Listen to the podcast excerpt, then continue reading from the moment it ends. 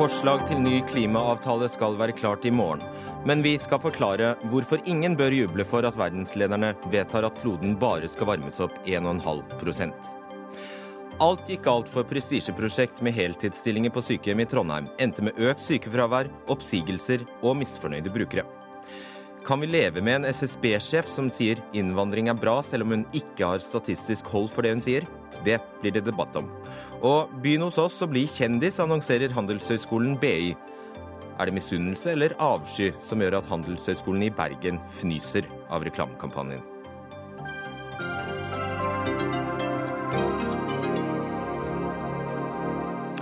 Riktig god kveld og velkommen til denne ukas siste Dagsnytt 18. Jeg heter Fredrik Solvang.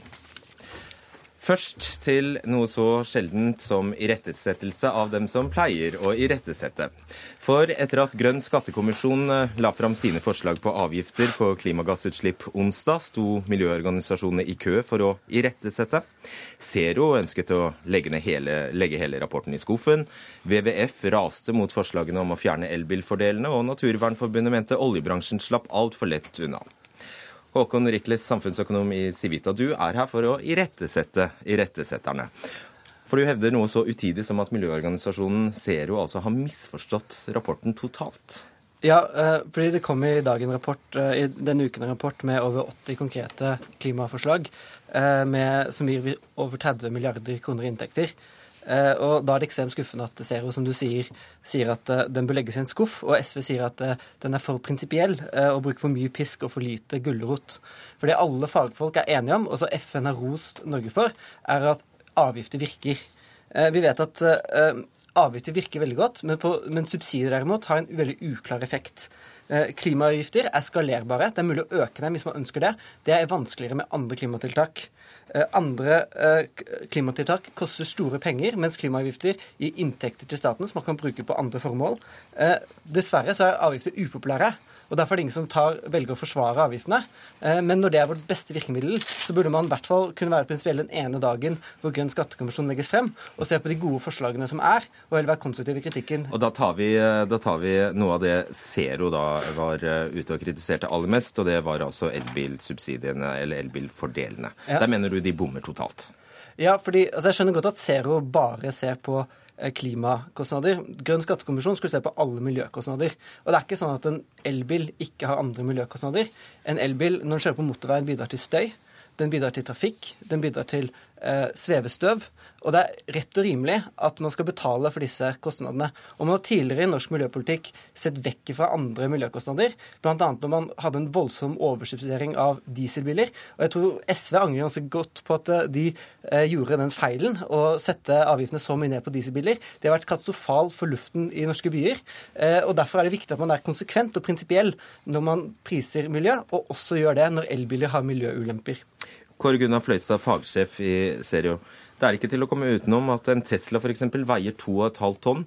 Det gir jo en veldig slitasje på veiene f.eks. Og da er det bare rett og rimelig at de skal betale like mye som en annen bil. Det er rett og rimelig at man skal gjøre det på sikt. Men poenget med eh, miljøavgifter er å stimulere til en endring. Vi er ikke imot at forurenser skal betale, men det vi ønsker oss fra Grønn skattekommisjon, det var at de slo fast at det skulle være mer lønnsomt for folk å velge fornybare alternativer, nullutslippsløsninger, framfor å velge fossile. Når Grønn skattekommisjon da kommer med en rapport som styrker konkurranseevnen til det fossile, svekker konkurranseevnen til fornybare, for en del av de økte avgiftene som de henter inn, det er jo ved å ilegge avgifter på eh, klimavennlige alternativer så går man jo i feil retning. Selv om det sikkert er prinsipielt riktig og passer fint inn på et kontor, så passer det ikke med en virkelighet hvor vi må omstille samfunnet til lavere klimautslipp. Det er for tidlig, sier han. Altså, øh, jeg er helt, helt, uenig i det. fordi Målet med klimapolitikken er ikke å få flest mulig elbiler, det er å få lavest mulig utslipp. Eh, og Det gjør man mer effektivt ved å øke avgiftene. Jeg kan være enig med at dagens avgiftsnivå kanskje ikke er høyt nok til å få ned avgiftene. Eh, og Grønn skattekommisjon det er ikke politikere, de har tatt utgangspunkt i dagens avgiftsnivå, som er på 420 kroner per tonn CO2. Det er veldig høy, høyt i internasjonal sammenheng. Man kunne gjerne gått høyere. Eh, men poenget er at man trenger endringer som, er, som bidrar til utslippsreduksjoner som faktisk er kostnadseffektive. Og Da sier du at utslippene, etter at vi nå har fått 50 000 elbiler på veiene, de går faktisk ikke ned. Ja, Det har ikke vært en veldig stor effekt av elbilene så langt. For, og hvis man ser hvor mye det koster, det koster mange milliarder i året. Den effekten kommer veldig gradvis. Hvis man sammenligner det med f.eks. CO2-avgiftene, som har gitt 11 millioner tonn lavere utslipp i Norge uh, siden de har blitt innført, det er en femtedel av norske utslipp. Det er en helt enorm effekt uten særlig kostnader for fellesskapet. Uh, og det er en mye bedre klimapolitikk enn selektiv subsidiering av ting som uh, Zero og andre syns er fint. Ok, Du skal få slippe det til straks, Fløystad. Men til den andre irettesetteren her, Kari Elisabeth Kaski, partisekretær i SV. Dere var altså ute og irettesatte kommisjonen og sa for mye pisk, for lite gulrot. Hva mente du kort med det? Kort så mener jeg at klimapolitikken sitt overordna mål er jo null utslipp. Så man må finne de virkemidlene som bidrar til at vi får null utslipp. Det er dit vi må, ikke sant. Og da trenger vi et selvfølgelig et mangfold av virkemidler, men vi trenger også både pisk og gulrot. Og det er pga. to ting. For det første så må vi ha virkemidler som utvikler teknologi, og det der ser vi ut av bommer. Fordi det å ha lik avgiftsnivå i alle sektorer vil bidra til at du får sånn ostehøvelkutt på, på utslippene, istedenfor at du får teknologiutvikling som tar oss til nullutslippsteknologien. Som Gi et eksempel vi har på det. fått på elbiler, f.eks. Ja, gi et eksempel på denne, på denne like avgiften, hvordan den På- vil treffe feil. Den treffer feil, fordi at da vil du få stadig litt mer effektive dieselbiler. Du vil få litt lavere utslipp enn det du kunne ha fått f.eks. i industrien, istedenfor teknologiutvikling. Ok, Men også her mener du hun tar feil. Ja, nå er det jo, Først så er det Grønn skattekommisjon, ikke Grønn subsidiekommisjon, som har blitt satt ned. Men, men det er også sånn at eh, når man sier at man kan, det er helt greit med helt forskjellige avgifter, så lar man store deler av norske utslipp slippe helt fri, sånn, sånn som man gjør i dag. Eh, I dag er så landbruket for eh, nesten like store utslipp som alle personbiler til sammen. Og det tar Grønn skattekommisjon et oppgjør med, og sier at man skal øke det på samme nivå. Eh, og det er det, er, det jeg syns er det viktigste budskapet til Grønn skattekommisjon, er nettopp at man må ta alle utslipp seriøst. Og da vil man få innovasjon. Det å høye avgifter vil faktisk få innovasjon eh, som gjør at eh, For det blir mer lønnsomt å slippe ut mindre. Eh, og Grønn skattekommisjon tar også oppgjør med subsidier av klimaskadelig atferd. Så det, jo, det er faktisk gulrot til klimaskadelig atferd. Det er også en stor del av rapporten, som er en veldig viktig del av rapporten, og er en veldig god grunn til at den ikke bør legges i en skuff, sånn som SV og Zero vil. Så du har ikke lest den godt nok, Asker? Jo, jeg har det, og du tegner opp et, et forenkla bilde av for så vidt både rapporten, men også virkeligheten. Altså, Ta olje- og gassindustrien. De har hatt CO2-avgift siden 1991. Utslippene har økt med 80% siden 1991 i olje- og gassindustrien. Oljeindustrien vil selvsagt si utslippene kunne ha vært høyere, men vi er ikke i nærheten av å bevege oss mot null. Og det andre viktige poenget med hvorfor du trenger både pisk og gulrot, er fordi at klimapolitikken trenger legitimitet i befolkninga. Det er ikke fordi okay. at vi skal la noen sektorer slippe unna, men fordi du faktisk må tilrettelegge for at folk skal kunne være en del av klimaløsninga. Ok. Eh, kommisjonen eh, foreslår også å utfase ordningen med grønne sertifikater, som også SV var ivrige tilhengere av, og dere i Zero har gjort det til en hovedsak. Også her bommer dere altså. Her tar man helt feil utgangspunkt. Når grønne sertifikater ble innført, så var det fordi vi trengte mer fornybar energi. Alternativet var at vi bygde gasskraftverk. Nå har vi kommet til en annen situasjon. Og det hva er det som grønne sertifikater har gitt oss, som du aldri ville fått med den tilnærmingen eh, denne skattekommisjonen har lagt? Jo, det er et overskudd av fornybar energi som vi kan bruke til å tilrettelegge for klimaindustri i Norge. At vi kan ha industri her. Da trenger vi ren fornybar kraft. Og med en tilnærming hvor du setter avgifter og kvoter, og ut, ikke har sånne type gulrøtter, ja, da ender industrien opp i Kina, og det er ikke noe god miljøpolitikk. Rikles, hvordan tolker du kommisjonen på dette punktet? Grønne, eh, altså, eh, grønne sertifikater? Grønne sertifikater har en ekstremt tvilsom effekt på klima. Eh, altså Det å produsere mer fornybar energi det har eh, selvfølgelig en effekt at det kan i noen tilfeller fortrenge fossil energi. Det kan også øke det totale energiforbruket. Eh, og det er det som er det gjennomgående problemet med subsidier, er at man vet ikke hvilken, rett, hvilken vei effekten tyter ut av. Tyter ut i økt forbruk, tyter ut at eh, i andre miljøødeleggelser, som grønne sertifikater helt klart gjør eller det burde ikke kalles grønne sertifikater. Naturinngripelser. Ja, elsertifikater, som det egentlig heter, ikke grønne sertifikater. Elsertifikatene fører til store naturødeleggelser. Eh, Den type subsidiepolitikk har gjennomgående andre kostnader som man ikke tar inn over seg, mens en gjennomgående avgifter på der utslippene er. Og er helt enig at avgiftene er på lave på forurensende energi i Europa. Jeg er helt enig at det er for lavt. Kvoteprisen er for lav. Men hvis man hadde gjennomgående høye avgifter på det, så ville det hatt en mye større effekt enn eh, alle mulige subsidier til. Kjempekort, Fløystad. Ja, for Nå må vi ut av kontorene så må vi se virkeligheten. Før vi fikk grønne sertifikater, ja, da bygde vi gasskraftverk i Norge. så har vi fått grønne sertifikater, og da har gasskraftverket blitt stengt ned. Det er ikke pga. avgifter på fossilt, jo, men det er fordi at vi har støtta alternativene, fått fram den fornybare energien, og gasskraftverka var det ikke lenger behov for. Og, uh... Det var det aldri behov for gasskraftverkene til å begynne med, som er feil. Men de ble bygd. Det var et kraftunderskudd, og det er nettopp det som vi må få frem her, at vi trenger faktisk å få på plass ny teknologi, nye klimaløsninger. Da trenger du et mangfold av virkemidler. Vi skal ikke kutte utslippene med 1-2 millioner tonn, som denne rapporten legger opp til. Vi skal kutte utslippene helt til null.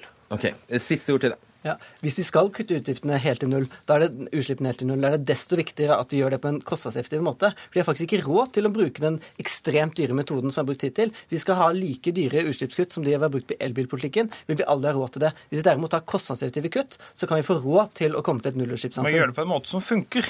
Okay. Det er poenget. Takk skal dere ha. Håkon Rikles, Kari Elisabeth Kaski og Kåre Gunnar Fløystad. Vi skal bare legge til at vi venter på miljøminister, klima- og miljøminister Tine Sundtoft, som skal være med oss fra Paris om litt.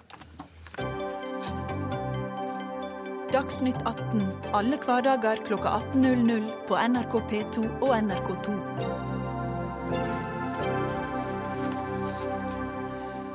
Det som skulle bli Trondheim kommunes banebrytende heltidsprosjekt, ble en fadese.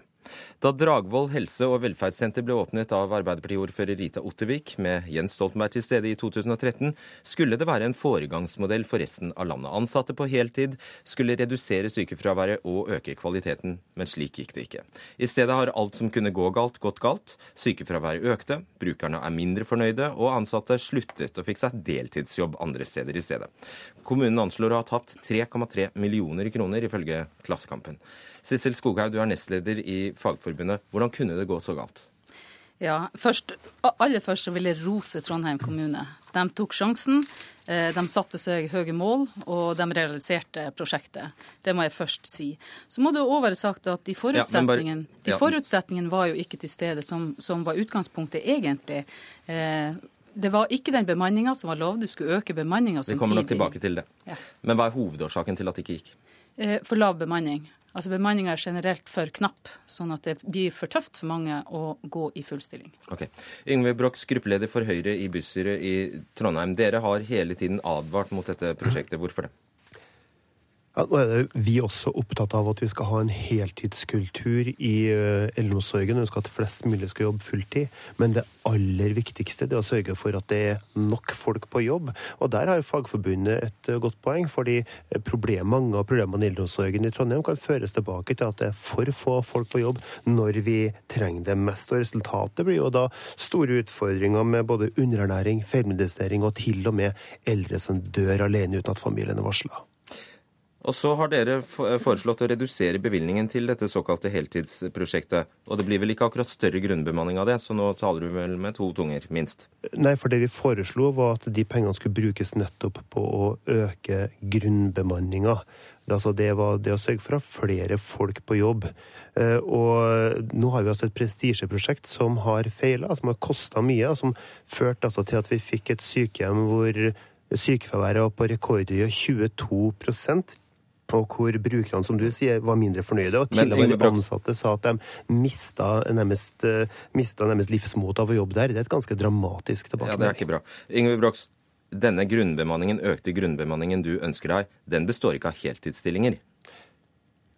Nei, altså poenget vi består både av at vi skal ha flere folk på jobb, og vi ønsker også selvsagt eh, som sagt, å få flere på heltid. Men det aller viktigste det er å sørge for at vi har nok folk på jobb når vi trenger det mest. Mm. For vi har også enorme utfordringer med kvaliteten og tryggheten i eldreomsorgen i Trondheim. Okay. Sissel Trønsdal, kommunalråd i Trondheim for eh, Arbeiderpartiet. Ja, det, Da dere stolt åpnet dette senteret på Dragvoll, så ble det sagt uh, av Rita Ottervik som jeg nevnte, at i løpet av noen få år vil heltid være hovedregelen i eldreomsorgen. Sånn blir det altså ikke? Jo, sånn blir det. Eh, hovedregelen skal fremdeles være heltidsstillinger i Trondheim kommune. Vi skal ha en heltidskultur. Men eh, forutsetningene for å lykkes med denne heltidskulturen er heldigvis ikke knytta alene til Dragvoll-prosjektet. For forutsetningene for å lykkes på Dragvoll ble påvirka av forhold som ikke knytter seg direkte til spørsmålet om heltid. Dessverre. Eh, så ble det mange andre forhold som man måtte tatt stilling Hvilke da? til. Ja. Hvilke da? Eh, det ble stort sykefravær. Det er beklagelig. Vi har sett så altfor høyt sykefravær på nettopp Dragvoll. Eh, Sammenligna med de øvrige helse- og velferdssentrene våre her i Trondheim. Det er ting som vi må gå dypere inn i, og se på hva vi skal gjøre for å få bedra bl.a. arbeidsmiljøet, som også er en del av det her. Eh, men det er ikke knytta til heltidsprosjektet som sådant. Det skal vi ikke avvikle. Ok. Skoga, jeg prøvde jo å få svar fra Brox, men det er vel slik og Dere er da altså enige om at noe av eh, hovedproblemet her er for lav bemanning, altså øke den såkalte grunnbemanningen. Så gir det seg vel selv at hvis du trenger to heltidsansatte, så kan du ikke ansette fire i tilfelle to av dem blir syke. Men du ønsker altså, hele poenget med et heltidsprosjekt må vel være at det står mennesker klare til å kunne trå inn fullt og helt? Nå er det sånn at Hvis du øker bemanninga, så tåler den også variasjon i, i både behovet til pasienter og hvis det skulle skje noe uforutsett. Men da skaper du flere deltidsansatte? Nei, det som er utgangspunktet er Nei. at tar du sjansen tar du sjansen å øke bemanninga, eh, så får du samtidig får du hele stillinger. Du får redusert sykefravær. Flere klarer å stå lenger i jobb. Vi ser allerede at det er flere og flere som blir ufør i den sektoren. Eh, vi vet vi får færre sykemeldte. Vi vet at flere makter å stå i stilling. Vi har dessverre noen som sier at full stilling blir for tøft. Hadde det vært bedre med mannen, så skulle jeg gjerne jobba eh, 100 stilling. Utfordringa er jo også at eh, det blir lyst ut altfor få fulle stillinger. Mange står klar til å jobbe. Men eh, det som er viktig å si, altså vi har 100 000 medlemmer har vi i pleie og omsorg. 70% av dem går deltid. Vi vet vi om 20 år blir å mangle 90 000. Og mange av Skal dem frivillig deltid. Nei, det blir feil å si det også. For jeg har snakka med så mange som har stått en stund i arbeidslivet og sagt jeg valgte å gå ned i redusert stilling, for jeg makta ikke med den bemanninga vi har i dag. Og skal vi klare å, å møte behovet overfor helsepersonell i fremtida, så må vi gjøre det attraktivt. Og det gjør vi med å øke bemanninga, så du kan gjøre en OK jobb, at du føler at du gir kvalitet. Yngve Broch, svar klart på dette her. Er det sånn at hvis du hadde økt denne grunnbemanningen og insistert på at alle av dem skulle jobbe heltid, så hadde du risikert å bli overbemannet? Det eh, går dessverre ikke i dagens situasjon, bl.a. fordi vi vet at 85% av den som jobber deltid i Trondheim kommune, eh, faktisk ønsker å gjøre det sjøl. Det gir en betydelig utfordring. Men så har også Arbeiderpartiet en betydelig utfordring i Trondheim, fordi at de har altså svært få eh, verktøy i verktøykassa si. De sier f.eks. nei til å prøve ut eh, nye turnuser i samarbeid med de ansatte, som har vært gjennomført med suksess andre steder i landet, eh, og en lang rekke andre forslag som også kan føre til at vi får økt kvaliteten på, på eldreomsorgen i, i Trondheim. Nå når det her ene prestisjeprosjektet er feila, ja, så har de altså ingen svar. I tillegg så har de også eh, vært negative når vi har ønska å reise debatten om hvordan vi kan få ned sykefraværet i Trondheim kommune, som er altfor høyt, og som betyr et, eh, et kvalitetstap eller et effektivitetstap på rundt 500 millioner kroner året. Trønsdal, hva er planen din nå? Ja, nå først så må jeg si at eh, jeg syns jo det er litt drøyt når Brokseit påstår at eh, vi har vært imot eh, tiltak for å få ned både sykefravær og få øka heltid. Fordi at målsettinga vår er fremdeles at vi skal ha en heltidskultur.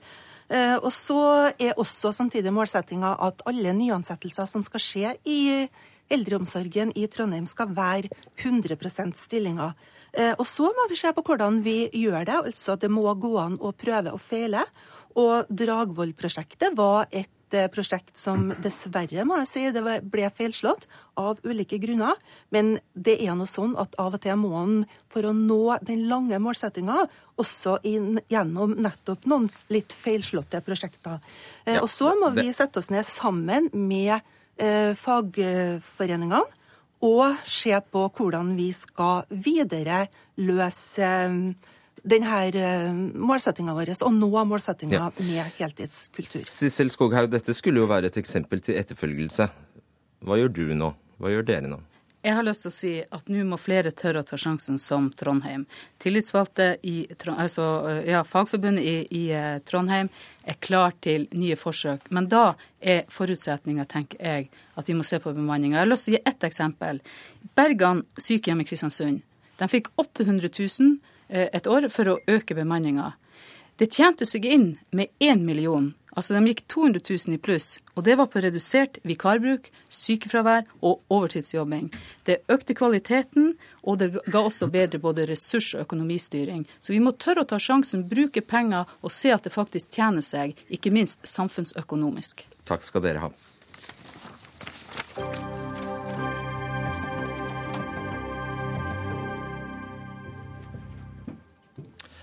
Sånn, ja. Da skal vi igjen tilbake til eh, klima, og vi skal eh, til Paris. For nå eh, klokka 18 skulle forslaget til ny klimaavtale vært klart. I dag sa Frankrikes utenriksminister Laurent Fabius at et nytt forslag skal legges fram i morgen klokka ni. Stemmer ikke det, klima- og miljøminister Tine Sundtoft, du er i Paris? Ja, Nå kommer jeg akkurat fra et møte med Frankrikes utenriksminister Fabius, og han fortalte oss nå hva som er hans plan for resten av forhandlingene. Nå vil det være konsultasjoner med land og grupper resten av ettermiddagen og i kveld. Og en ny tekst uten uenighetspunkter vil komme i morgen klokka ni. Så skal ministrene møtes i morgen formiddag for å diskutere teksten.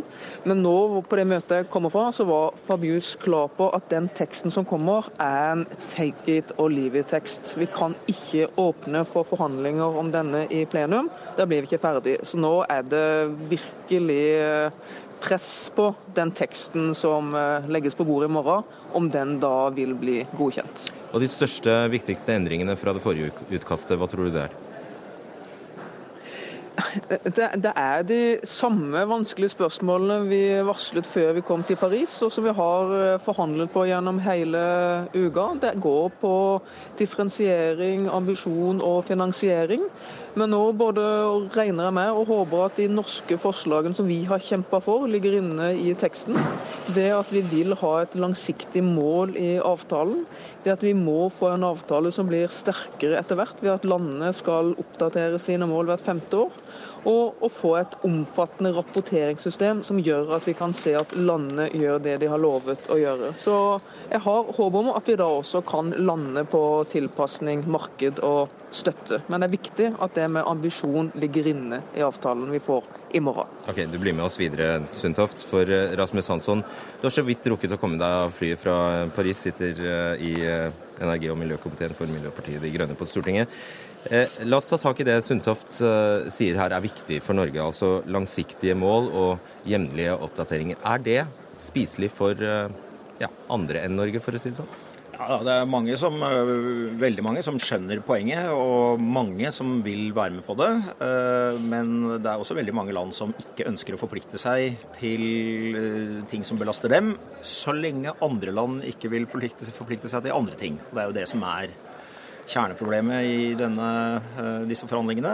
Så, kort oppsummert, USA vil ikke ta ansvar. Kina og Sør-Afrika vil late som de er utviklingsland, og Norge vil produsere olje og kjøpe utslippskutt i andre land. Og når man skal skru sammen det til en forpliktende avtale som, eh, som, klimagass, som kutter klimagassutslipp, så, så er det selvfølgelig tøft.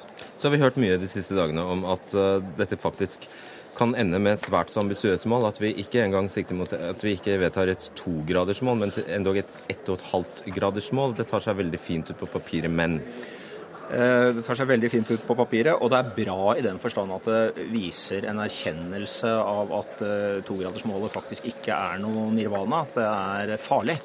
Eh, og vi trenger å kutte mye mer enn som så. Men problemet er at 1,5 grader klarer vi ikke. Eh, vi har, kommet, ja, vi har kommet for langt. Vi har sluppet ut for mye. Eh, og da risikerer man jo å ha en avtale som inneholder et mål som den ikke engang eh, forsøker å nå. Og det kan bli litt vanskelig å selge. Og da, Tine Sundtoft, vil jeg bare minne deg om hva du sa for ti dager siden. Da sa du at du kommer ikke til å undertegne en hvilken som helst avtale. Så en avtale om et helt urealistisk klimamål, det setter du vel ikke din underskrift på? Nei, Det er jo derfor det er så viktig det vi har jobba for hele tida, og som vi også jobber for nå. Det er, jo den sammenhengen det med halvannen grader er kommet inn som en erkjennelse, der er jeg helt enig med Rasmus Hansson, men det er også kommet inn som et politisk press på å gjøre mer. Men for å lykkes med det, så handler jo det om det vi har kjempet for, et langsiktig mål og en avtale som blir sterkere etter hvert, ved at landene skal oppdatere sine mål hvert femte år. Og vi må vite hva landene gjør. Det er jo her vi må oppdatere og spille på lag med teknologiutvikling. Det er her her politikk og teknologiutvikling må henge sammen for å gjøre mer over tid. Det er jo i dette eh, ambisjonsnivået ligger. Økonomiredaktør i Aftenposten Ola Storheng, du er også i eh, Paris. Eh, hva tror du dette ender med? Tror du Tine Sundtoft faktisk må undertegne på en avtale hun helst ikke skulle hatt? Ja, det, det tror jeg. Jeg tror det er et veldig sterkt vi har en veldig sterk belastning på et hvilket som helst land, og spesielt et lite land. Hvis det skulle torpedere, blokkere en avtale, hvis Norge skulle gå imot noe, så må det være som ledd i en, i en mye større ko koalisjon. Men jeg har nesten vanskelig for å se hvordan det skal gå til. Og så sier du, eller du skriver at uh, du spår at uh, Sundtoft og de andre kommer til å bruke en masse energi på søndag til å overselge det de har kommet fram til. Ja, nå forutsetter vi at det da blir en avtale. Hvis det blir en avtale, da. Det høres vel kanskje litt ut som Sundtoft er i gang uh, allerede. Det er vel et faktum at det som nå avtegner seg i Paris, det er på mange måter skuffende for Norge, for EU og flere andre land som ønsker ikke bare høye ambisjoner på lang sikt, men spesielt noen konkrete virkemidler som gjør at dette kan bli realistisk, og at alle må være med. Hansson, syns du Norge bidrar nok? Norge har en dobbeltrolle. På den ene siden så bidrar de veldig bra i selve forhandlingene. og Har et uh, kjempegodt lag med uh, klimabyråkrater som ja, hjelper seg selv og alle. Litt. Ja, ja, men de er veldig flinke, og de er veldig viktige. Og Norge er ryddig og uh, osv. Men Norge arbeider samtidig for en klimaavtale som stadig flere ser, at det er en avtale hvor rike Norge skal kunne fortsette å selge eh, olje og bruke pengene til å kjøpe land som eh, utslippskutt i andre land. Eh, og det er ikke hjelpsomt når man skal få fattige land og land som holder på å drukne, til å godta at de også skal ta, påta seg utslippskutt. Er det virkelig? Ja. Jeg, jeg tror egentlig at poenget litt mer generelt er at eh, de rike landene de starter jo med veldig høye utslipp. Og mens de fattige landene starter med lave utslipp. Og så er problemstillingen sånn at eh, selv om de rikeste landene kuttet sine utslipp til null, så vil ikke det være, være tilstrekkelig. Da kommer vi i den vanskelige situasjonen at vi må, altså må be fattige land som, som slipper ut eh, svært lite, om å slutte å tenke på og øh, skape seg samfunn som ligner mye på våre. Hvordan den gåten skal løses, det vet jeg ikke, men det er jo opplagt at vi i hvert fall trenger en teknologisk revolusjon som viser hvordan fattige land kan vokse uten å bruke særlig fossile brensler. Og vi trenger også en teknologisk revolusjon som gjør det politisk mm. mulig i rike land, og ikke bare oljeproduserende Norge, til å leve med langt mindre utslipp. Våre samfunn må også omdannes. Tine Sundtoft, hvilken rett har du til det, egentlig? Å fortelle fattige land at nei, de kan ikke vokse seg like rike som oss? Det er nettopp derfor det handler om at vi eh, erkjenner at klimautfordringen er global. Alle må gjøre mer. Men bare se på hva som har skjedd på teknologifronten siden landene satt og diskuterte i København for seks år siden. Hva som har skjedd på solenergi, på vind, på batteriteknologi. Her må teknologiutvikling og politiske ambisjoner spille, spille sammen med, med å få til en avtale nå for 195 land. Vi ser at nå har 186 land levert inn sine planer for å redusere utslippene. Dette er en dugnad verden må gjøre sammen. De rike landene må gjøre mer. Vi må også hjelpe de andre landene til å bidra, for dette er en felles utfordring. Det er det vi driver og diskuterer nå i Paris. Derfor må derfor vi få på plass en global avtale. Hansson, eh, noe, eh, ja, bare et, et bitte lite øyeblikk, Storing. Eh, Hansson, eh, grunnen til at dette 1,5-gradersmålet nå plutselig dukker opp, det har jo en sammenheng med de, de små øystatene eh, som er i en prekær situasjon. Hvorfor er de så dumme at de går vekk fra, eh, eh fra, fra, Eller går med på å droppe dette kravet om tap og skade. Altså få penger fra eh, de rike landene hvis de går under mot et sånt urealistisk 1,5-gradersmål.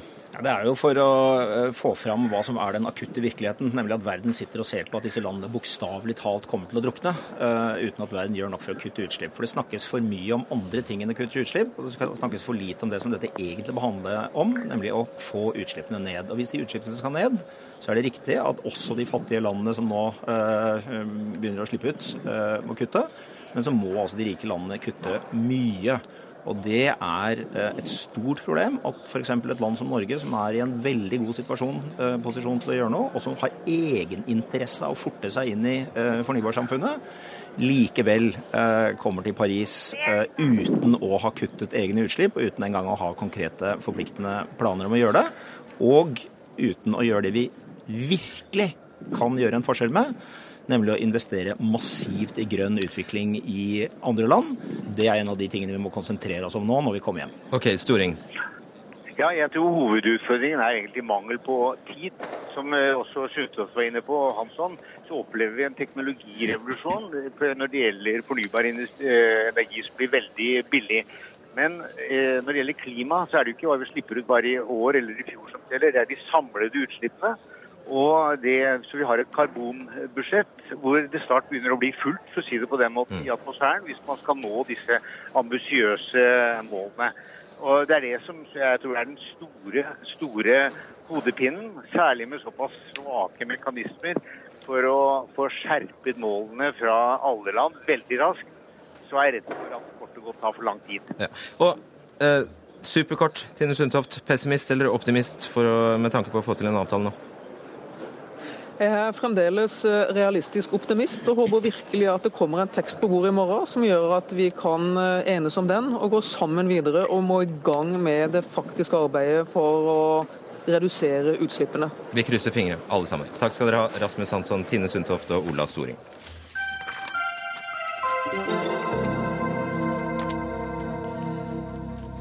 Statistisk sentralbyrå har hovedansvaret for å dekke behovet for statistikk om det norske samfunnet.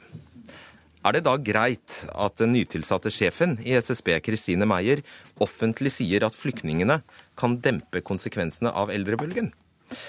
Elin Ørjasæter, førstelektor på Markedshøgskolen i Oslo. Ditt svar er utvetydig nei, men hva om hun har rett?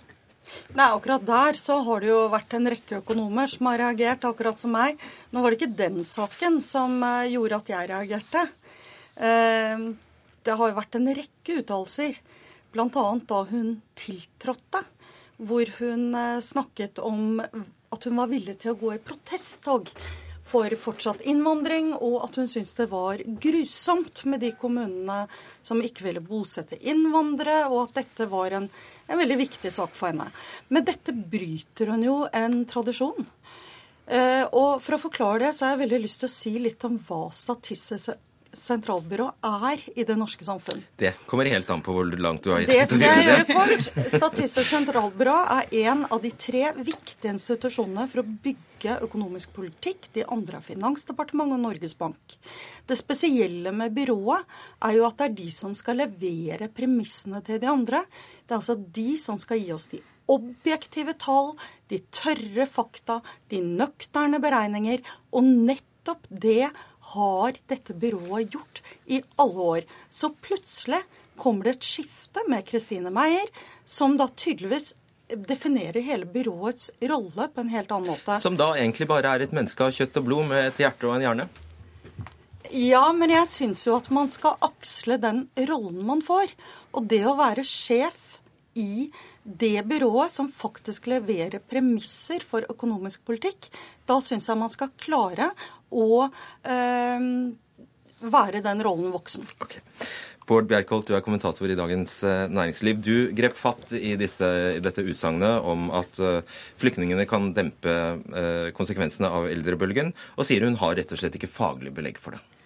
Nei, da hun, da hun Jeg hørte jo henne på pressekonferansen til SSB, og før det hadde hun også skrevet en kronikk i, i Dagens Næringsliv og det jeg reagerte på her, eh, var jo i og for seg ikke at hun sier at det er positive eh, og kan være positive konsekvenser, også økonomisk, av, innvandring. Det er jo helt åpenbart. Men det, det, var jo det at hun eh, for all del ikke ville snakke om de negative. Eh, som da SSB og forskere der har brukt veldig mye tid på å regne på og tallfeste. Kanskje hun mente det var viktig av mange grunner å vektlegge det positive? Kan hun ikke få lov til det? Så hun, hun må jo absolutt få lov til å si som, uh, da at det er uh, positive, mulige positive konsekvenser som ikke er tatt med i disse beregningene. Men, men det jeg reagerte på, var da at hun brukte så mye tid på å snakke om det, at, at hovedbudskapet her og hovedfunnet til SSB forsvant helt. Hvorfor er det et problem? Jeg syns det er et problem fordi det da gir et fortegnet bilde av det vi vet eh, om eh, langsiktige konsekvenser av innvandring i, eh, i Norge. Og da Marte Gerhardsen, leder i Tankesmien Agenda, hvis hun legger gale premisser da, eh, på bordet til politikerne, så blir det gal politikk også. Selvfølgelig, men jeg syns kritikken her er langt over mål.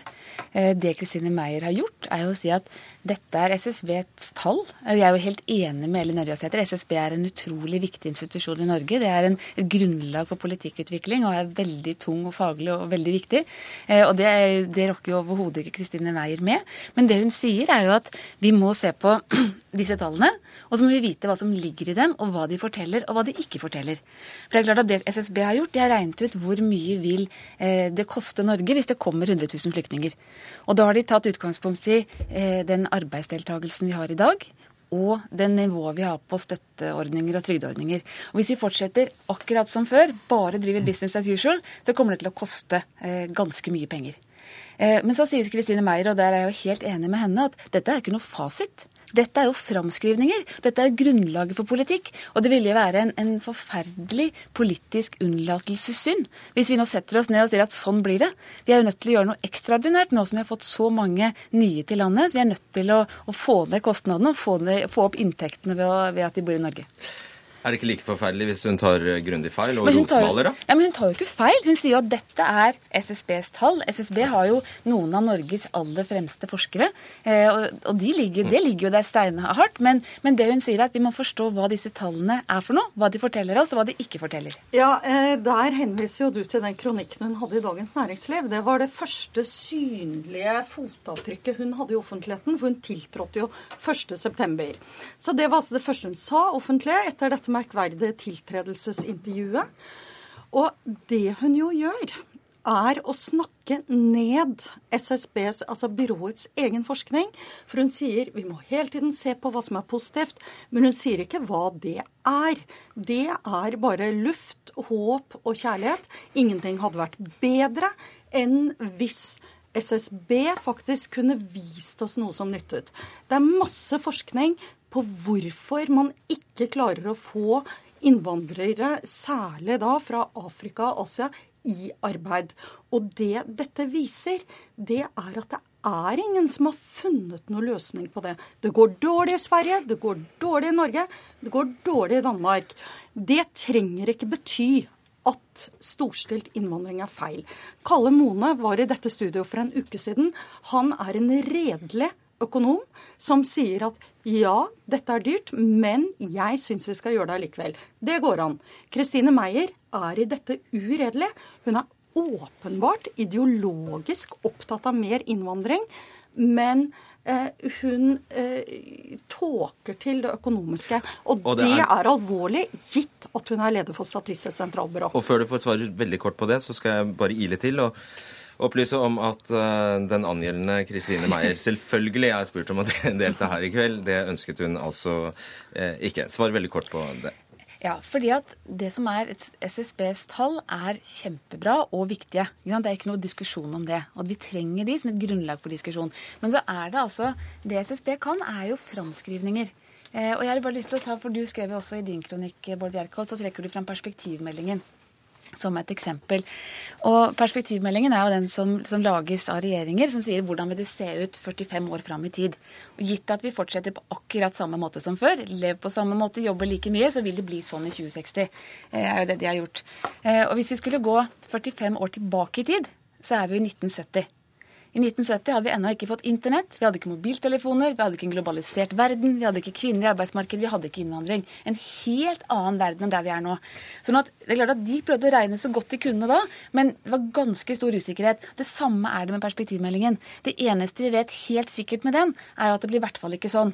Ikke sant? Okay, men, ja. men er godt, vi trenger den likevel. Et godt grunnlag for å se på noen trender, men vi må ikke ta det som noen fasit. For det vil avhenge veldig mye av andre ting som skjer, og av, ikke minst av politikk. Ja, Hvis jeg kan svare på det kort, så er, så er det riktig. Man vet eh, litt om fremtiden. Men det man vet eh, i og for seg ganske sikkert, det er at eh, det kommer en eldrebølge som vil mm. belaste offentlige finanser. Det er ikke usikkert, det vet man ganske sikkert. Den kommer. Og det Kristine Meyer sier, er jo at innvandring kan være en løsning. Kanskje på, eller i hvert fall bidra til å hjelpe på denne eldrebølgen. Men eh, det er altså det SSBs egen forskning viser ikke er eh, tilfellet. Derfor syns jeg det var pussig at hun, eh, hun ola seg som hun gjorde. Og så er det klart at Kanskje hun er litt mer optimistisk enn forskerne sine? Men så er det klart at Hun har helt rett i at det er viktig at de som kommer, blir integrert i arbeidsmarkedet. Det har hun jo. Men, men man må jo se på den historiske erfaringen. Og, og jeg tror også det er selv om man kan gjøre det bedre og sikkert forbedre seg der, så tror jeg det er litt eh, naivt å tro at eh, man kan bli, altså, få alle inn i arbeid med en gang. Ja, Øresæter, jeg har bare lyst til å spørre deg om en annen ting. fordi Du, du, du hevder altså at eh, det er et mønster her ved at Kristine Meier nekter å snakke om dette. Mm. Ja, Det hun gjør, er jo å snakke om alt tallene ikke skal vise, som hun mener er positivt. Men hun klarer jo ikke tallfeste det heller.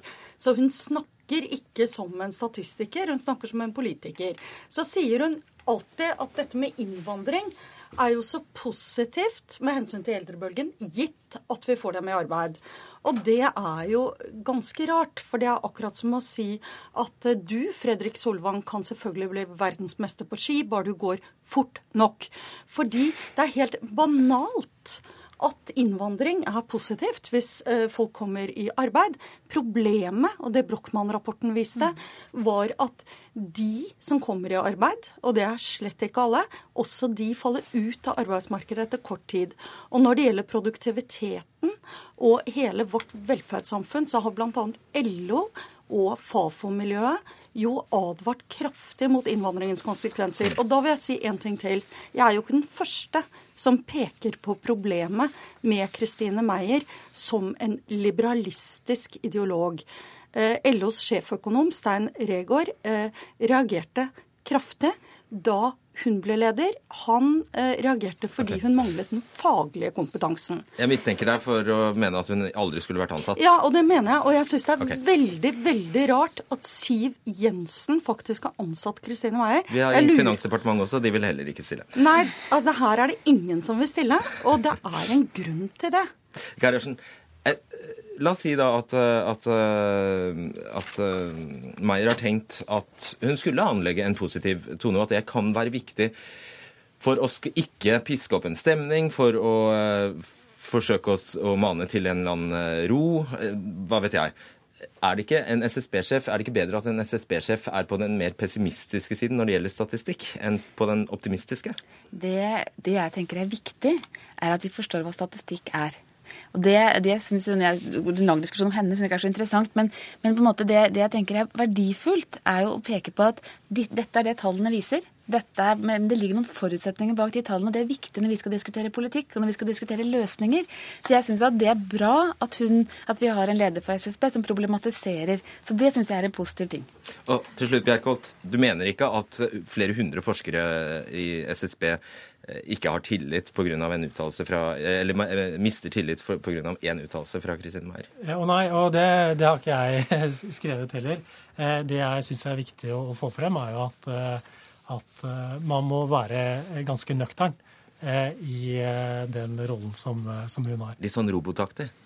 Ikke robotaktig. Og det er, det er, helt i orden å si at her er det ting som ikke er med, osv. Dette er forutsetningene. Okay. Men, eh, men, å holde det ganske nøkternt. Vi må avslutte. Vi må avslutte. Tusen takk. Elin Ørjasæter, Marte Gerhardsen og Bård Bjerkholt. Hør Dagsnytt 18 når du vil. Radio NRK Radio.nrk.no.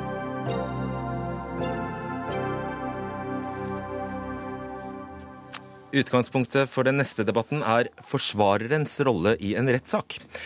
Forrige uke skrev tre kvinner i Dagbladet et innlegg de kalte 'Brev til forsvareren'. Der anklager de en advokat for å fare med usannheter i en prosedyre i en voldtektssak, og på den måten svekke kvinners troverdighet. Eh, Merete Smith, generalsekretær i Advokatforeningen. Helt prinsipielt, hvor langt mener du en forsvarer kan gå i forsvaret av sin klient? En forsvarer kan gå langt i å forsvare sin klient. Men det skal selvfølgelig være saklig, og man skal ikke putte altså sjikanere motparten eller vitner og den type ting. Eh, men dette handler om veldig veldig alvorlige ting. Det handler om du skal bli dømt skyldig i en straffbar handling, kanskje sitte mange mange år i fengsel.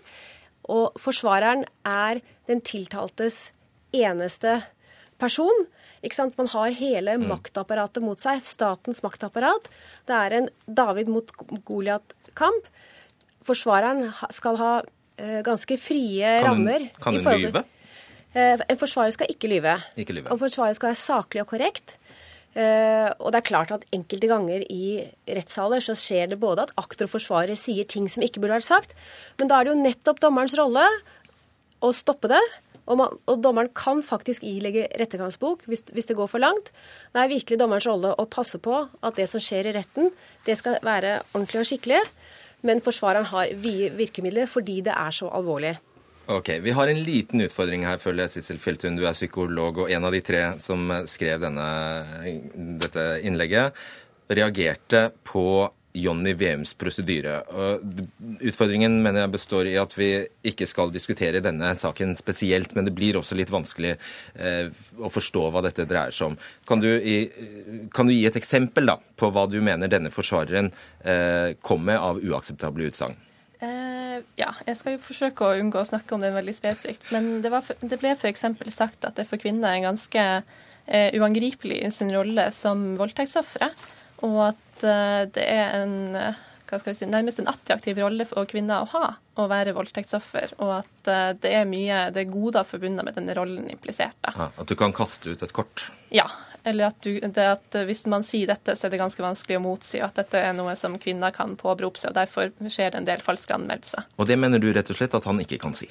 Eh, Jeg mener at det er veldig uriktig, og jeg mener at det er veldig uheldig å ta så si det i en slik sak.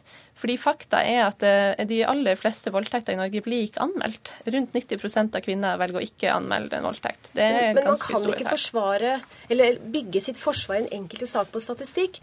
Altså, Jeg er helt enig at at Du sa jo nettopp at det ikke var lov å ljuge. Og hvis dette er statistisk helt feil Jo, men i den enkelte sak så kan det jo altså, Jeg var ikke til stede i den saken, jeg hørte ikke hva som ble sagt. Men det er klart at det, det fins falske anmeldelser av alle typer straffbare handlinger. Og i den enkelte sak så kan det være det riktige forsvar. Husk på, vi har hatt alvorlige justismord i Norge. Og det kan jo nettopp handle om da, at uh, den tiltaltes forhold ikke kom godt nok fram. Uh, for, for, altså det, er, uh, det er, skjer voldtekter som ikke blir anmeldt. Og dette er en stor problemstilling, og det er en viktig problemstilling som vi har debattert mye. Og Derfor har man bl.a. fått eh, bistandsadvokater som skal ivareta eh, den eh, påståtte voldtektes sak. Og det er kjempeviktig. Det er kjempeviktig at hun blir behandlet på en ordentlig måte. Men det betyr ikke at forsvareren skal gjøre en dårlig jobb. Da har du misforstått forsvarerens oppgave og forsvarerens samfunnsoppdrag. Det mener jo heller ikke at en forsvarer skal gjøre. Og jeg forstår at i en enkelt sak så kan det jo være at denne anmeldelsen skal være falsk. Disse kvinnene kan ha valgt å lyve. Men jeg mener jo også at uh, hvis man skal ta så si noe om dette, så burde man kanskje kjenne noe til fakta. Og det er også viktig å si offentlig noe om uh, de faktiske forholdene som eksisterer. For det er ca. Jeg tror i Oslo i 2011 var det ca. 2,8% anmeldelser som ble voldtektsanmeldelser ble folk som falske. Jeg, bare, eh, jeg skal opplyse om at dette Ingen er uenig i dette. Nei, jeg skal bare opplyse om at dette, dette gjelder Kopseng-saken, Ja. og at Jonny Veum er invitert, men han takket nei og mente at han ble representert av- aldeles utmerket av deg, Smith. Eh, Noe av det han, han sier jo da f.eks. at eh, kvinner lyver akkurat som menn, og at deres forklaringer er preget av artiklene om din klient i media. Det er jo bare objektivt sant. Det er nok eh, sant at de er blitt prega av det man leser i media. Også det, det at kvinner ljuger mer Ja like mye som menn, antakelig? Det er helt riktig. Det vil jeg sterkt gå ut fra. Eh, Noen mener jo også kvinner lyver mer enn menn, siden de tar mer hensyn Ja. til mottakeren. Men når du vet at eh, 97 av anmeldelser ikke blir etterforska for falsk anmeldelse, og at mange kvinner blir møtt med dette når de vurderer å anmelde, eller sitter og tenker på det hjemme, de 90% så tror jeg ganske mange av dem blir påvirka av denne typen argumenter. At eh, det er attraktivt å, å, å ta en offerrolle osv. Og jeg sier ikke at man ikke skal ta så prosedere mest mulig for sin klient, men jeg mener at man kan tenke eh, seg om kan jeg ivareta min klient, men også de svake gruppene. Og Nei, uten å fungere det. samfunnsnedbrytende, Smith. Man kan ikke det. Man må Altså, det er veldig viktig at et voldtektsoffer blir ivaretatt ordentlig. Og det er masse ting i en straffesak som gjør nettopp det. Og du har Alle andre i en straffesak er er på en måte angriper tiltalte, er mot tiltalte. Det er én eneste person som skal ivareta tiltaltes rettigheter, og det er forsvarer. Forsvarer skal ikke være objektiv. Forsvarer skal gjøre én en eneste ting, og det er ivareta tiltaltes rettigheter. Hvis du ble tiltalt i en straffesak, så ville du blitt alvorlig bekymret hvis du plutselig følte at, at forsvareren hadde to oppgaver. Både å ivareta dine interesser og også å ivareta samfunnsinteresser. Mm. Og Fjelltun, det er vel et ganske gyllent prinsipp her at forsvarer skal ikke identifiseres med eh, klient. Så dere retter jo på en måte Ja, vi gjør jo også det, men det er også fordi det blir noe tabloid fremstilling man skal skrive til media. Det var heller ikke vi som valgte tittelen 'brev til forsvarer'. Så det er jo også Vi skrev jo den kronikken fordi vi syns at det som framkom fra den saken i seg sjøl var ganske alvorlig. Uansett om det ble tatt ut av sin sammenheng, så var det ganske sterke påstander. Og når det fremlegges offentlig, så er det viktig at man går ut og tar og sier noe om hvordan dette forholder seg. Og jeg ble personlig sjokkert av den statistikken. Jeg visste det lå dårlig an, men jeg visste ikke at det var uh, så ille. For det er bare 10, 10 av de anmeldte voldtektene som fører til en domfellelse. Og det er veldig Det er ganske, det er ganske fælt. Kunne du ha sagt noe sånn, som dette? Altså, jeg er enig at den statistikken er helt forferdelig, og det er veldig grunn til ettertanke. Og det, og det gjør jo også grunn til at, politi, at, man tenker at politiet kanskje bør jobbe på en annen måte. At mange ting bør skje på ja, en annen måte. Kunne du ha stått i, i en rettssal som da er så heftig dekket, og sagt at uh, mange kvinner velger å framstille seg som voldtektsofre? Hvis jeg mener at det hadde vært det riktige forsvaret i den ene saken, så er det klart at da er det det man må gjøre. Kunne du det, altså? Ja, selvfølgelig. Altså, er, altså, poenget er at eh, forsvarer skal også kunne ta upopulære standpunkt. Det er ikke en popularitetshets å være forsvarer. Det handler om å ivareta din klient. Det er en Davids kamp mot Goliat, og forsvareren må stå på for sin klient. Jeg er ganske uenig i den virkelighetsbeskrivelsen, for jeg mener at det er ganske mange andre Davider som står opp mot Goliat der. Og det, den, den, responsen jeg har fått jeg, eh, fra det og fra VM her, handler jo eller har jeg tolka som at uh, rettssalen er et slags moralsk og politisk vakuum, der det bare er klientens rettigheter som skal stå fram for forsvareren, og at de andre funksjonene må ivaretas av de andre som er der. Og det syns jo jeg er veldig, veldig feil. For det man sier da, og den måten man velger å ta altså, uttale seg til fornærmede om tiltalte, vil ha en stor symboleffekt for de som sitter hjemme og kanskje vurderer skal jeg voldta altså skal jeg voldta denne kvinnen for øvrig, og skal jeg ta og anmelde dette? Kjempe. Det er virkelig ikke riktig. Og mener du virkelig at, at forsvareren ikke skal stille de kritiske spørsmålene, for, selv om han mener at det er helt avgjørende å få fram det riktige faktum i en sak? Det handler jo om å få fram hva skjedde egentlig. Da har vi kontradiksjon. Da må forsvareren ivareta sin, sin oppgave, som er å beskytte sin klient. Veldig interessant problemstilling iallfall. Merete Smith og Cecil Fjeltun, tusen takk. takk.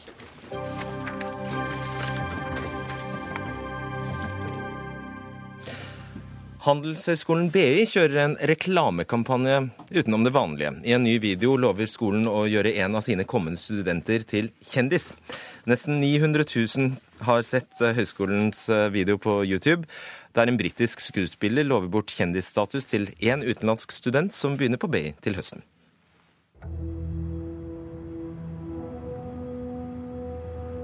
Do you want to study abroad?